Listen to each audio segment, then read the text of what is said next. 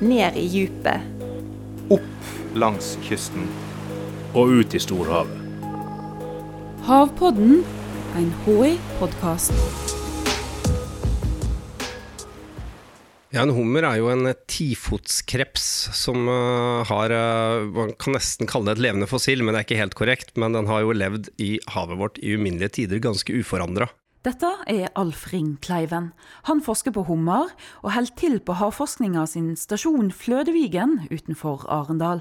Den kan spise veldig mye, både dødt og levende. Uh, sånn at den er, har en funksjon som en sånn litt um, renser av havbunnen og, og tar, uh, er en viktig funksjon der på, på, å spise og rydde havbunnen, kan man si. Den har egentlig ikke så mange naturlige fiender, iallfall når den har blitt litt stor. Men det er klart når den er uh, klekka og er larve og flyter rundt i vannmassene, så er den attraktivt bytte for mye fisk uh, og lignende. Og så er det jo når den bunnslår seg, altså når larven da har vokst seg passe stor til å trekke ned på bunnen, så har ikke det beskrevet vitenskapelig før den blir større enn en eh, fyrstikkeske. Så det er ingen som har funnet europeisk hummer i naturen på mindre enn en fyrstikkeske. Så det er ganske fascinerende. Så de gjemmer seg nok ekstremt godt for å unngå å bli spist av andre dyr før de blir store nok til å kunne bevege seg fritt og, og jakte andre igjen. Og på mange måter så lever hummeren et godt og ikke minst langt liv, mener Alf. Nei, så lenge du holder deg unna en teine, så har du jo et godt og langt liv, da. det det er jo det som er fascinerende med hummer, de kan jo bli veldig gamle. 60-70, kanskje 80 år gamle kan eh, hoer bli. Uh, og det gjør dem også sårbare for uh, f.eks. fiske, med at de bruker flere år bare på å bli kjønnsmodne. Sånn at, og det, det, gjør det sårbart for, for, for fiske, for at de skal Eh, kunne produsere egg og larver eh, skal de kunne gjøre i veldig mange år. Men får de ikke sjansen til å bli store, så blir det få avkom for neste generasjon også. Hummeren sin største fiende, da er oss.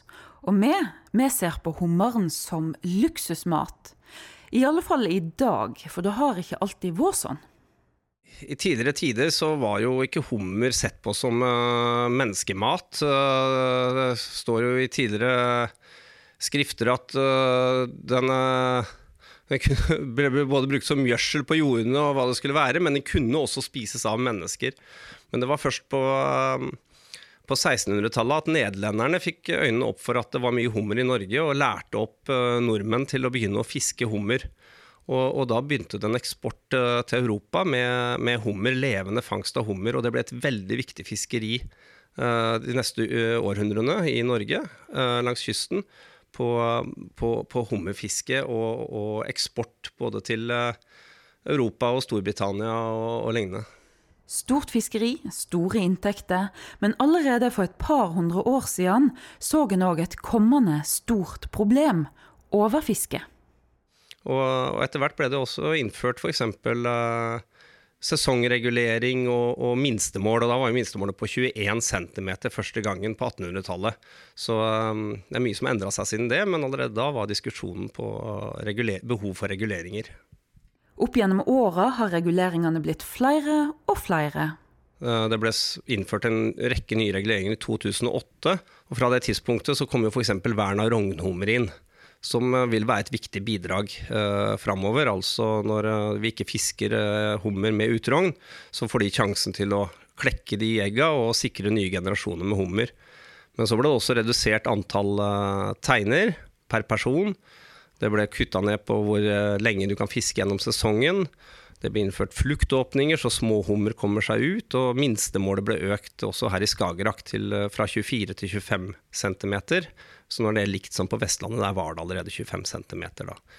Uh, I 2017 så ble det også innført maksmål på hummer i, uh, i Skagerrak. Vi hadde foreslått at det skulle innføres i hele landet, men foreløpig er det bare blitt innført i Skagerrak. Og det er fordi vi ser at når vi verner hummeren, altså det er jo hoene, og de blir større, og, og nyere forskning viser at store hoer sto, trenger store hanner for å, for å fylle spermsekkene sine. Så hvis vi fisker opp alle de store hannene, så, så kan det også gå utover reproduksjonen i bestanden. Men likevel Bestanden er på et historisk lavt nivå, eh, og det har den egentlig vært i lang tid. I en ny studie viser Alf og kollegaene hans at hummerbestanden har gått ned med 92% siden 1928. Og hva i alle dager er det egentlig som har skjedd? Ja, Enkelt forklart er det jo jevnt og kontinuerlig overfiske. Vi mennesker er jo veldig flinke til å, å, jakte, og hvis vi ikke får eh, reguleringer på plass, så er vi ganske flinke til å ødelegge natur. Um, og, og, det som har Vi har jo sett i, i, Vi er jo heldige. Vi har jo en lang tidsserie på hummerfiske. Allerede på, i 1928 så begynte uh, kolleger her i Flødevigen å sende ut uh, standardiserte skjemaer til fiskere som fylte ut etter hver sesong hvor lenge de hadde fiska, hvor mange teiner de hadde fiska med, og hvor mange hummer de hadde fått. Og det har jo fortsatt fram til i dag. Og det er ikke så, for, det er ikke så mange arter, uh, fiskearter vi har så gode tidsserier på. Um, og det gir oss en unik mulighet å dypdykke litt mer inn i hva har skjedd her. Og vi visste allerede fra de dataene at bestanden hadde gått ned med rundt 70% men uh, det vi regner ut, er jo hvor mange hummer du får per teine per dag. I snitt per år. Og så ser vi på den trenden over tid. Men det vi ikke har uh, tatt med i modellen tidligere, er jo at en tegne i 1928 jo det, er jo ikke det samme som en uh, tegne i dag. Den er mye mer effektiv, så vi satte i gang med en kartlegging og intervjua eldre fiskere med lang erfaring om hva slags type tegner som er blitt brukt gjennom historien, fra, fra 1920-tallet og fram til i dag. Og Så fikk vi tak i de ulike tegnene som vi så dominerte, og så gjennomførte vi et prøvefiske med de tegnene. Og Da så vi jo at uh, de moderne skottetegnene vi bruker i dag, er opptil tre ganger så effektive som de som ble brukt på 20-, 30-, 40-tallet. Og da har vi justert tidsserien ut ifra det, og, og, da ser vi at uh, bestanden har uh, gått mer ned enn tidligere antatt, og at uh, fangst per enhet innsats av hummer per teine per døgn er redusert med over 90 da. Betyr det rett og slett at hvis min onkel sier han alltid har fått like mye hummer som han gjør i dag, så kan han bli lurt? Rett og slett fordi tegnene har blitt bedre? Ja, vi blir jo blinde for det, for vi ser jo på hva som er i tegna. Og, og, hadde du gått ut med en skotteteine i 1930 og fiska med den, så hadde du fått voldsomt gode fangster. Uh, men vi blir jo blinde på dette her, fordi vi, vi ser ut ifra hva som er i tegna, og ikke, uh, måler ikke tegneeffektiviteten. Så hvor står vi egentlig i dag? Har toget gått fra stasjonen for hummeren, denne arten som har levd nesten uendra i så mange millioner år? Det, vi er jo så heldige at vi har uh, nå et nettverk av fredningsområder langs kysten. Uh, og de områdene kan man bare fiske med stang og snøre innafor. Og, og, flere av de områdene har vi fulgt opp og, og, målt effektene på. Og de første fredningsområdene ble etablert allerede i 2006. Og de har vi hatt forsøksfiske på hvert år.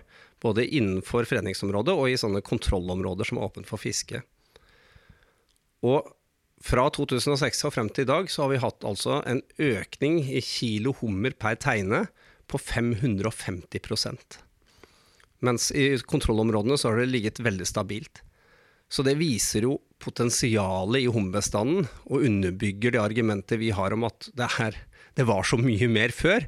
Og det positive er jo at det responderer raskt med gjenvekst når vi slutter å fiske.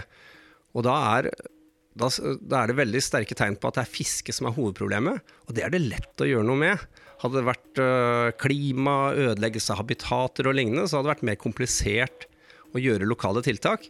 Men når vi kan bare redusere fiske, så ser det ut som at vi kan få opp bestanden. Så det å få på plass et godt nettverk av fredningsområder for hummer, pluss at vi må ta ut mindre i de fiska områdene, Sånn at vi sakte, men sikkert kan begynne å bygge opp hummerbestanden igjen. For nå må vi restaurere. Det er ikke å sikre et bærekraftig fiske, det er restaurere og så få et bærekraftig fiske etter hvert. Havpodden er en podkast fra Havforskningsinstituttet. Denne episoden ble laga av Liv Eva Kirkesæter og Stine Hommedal i samarbeid med Febril Film.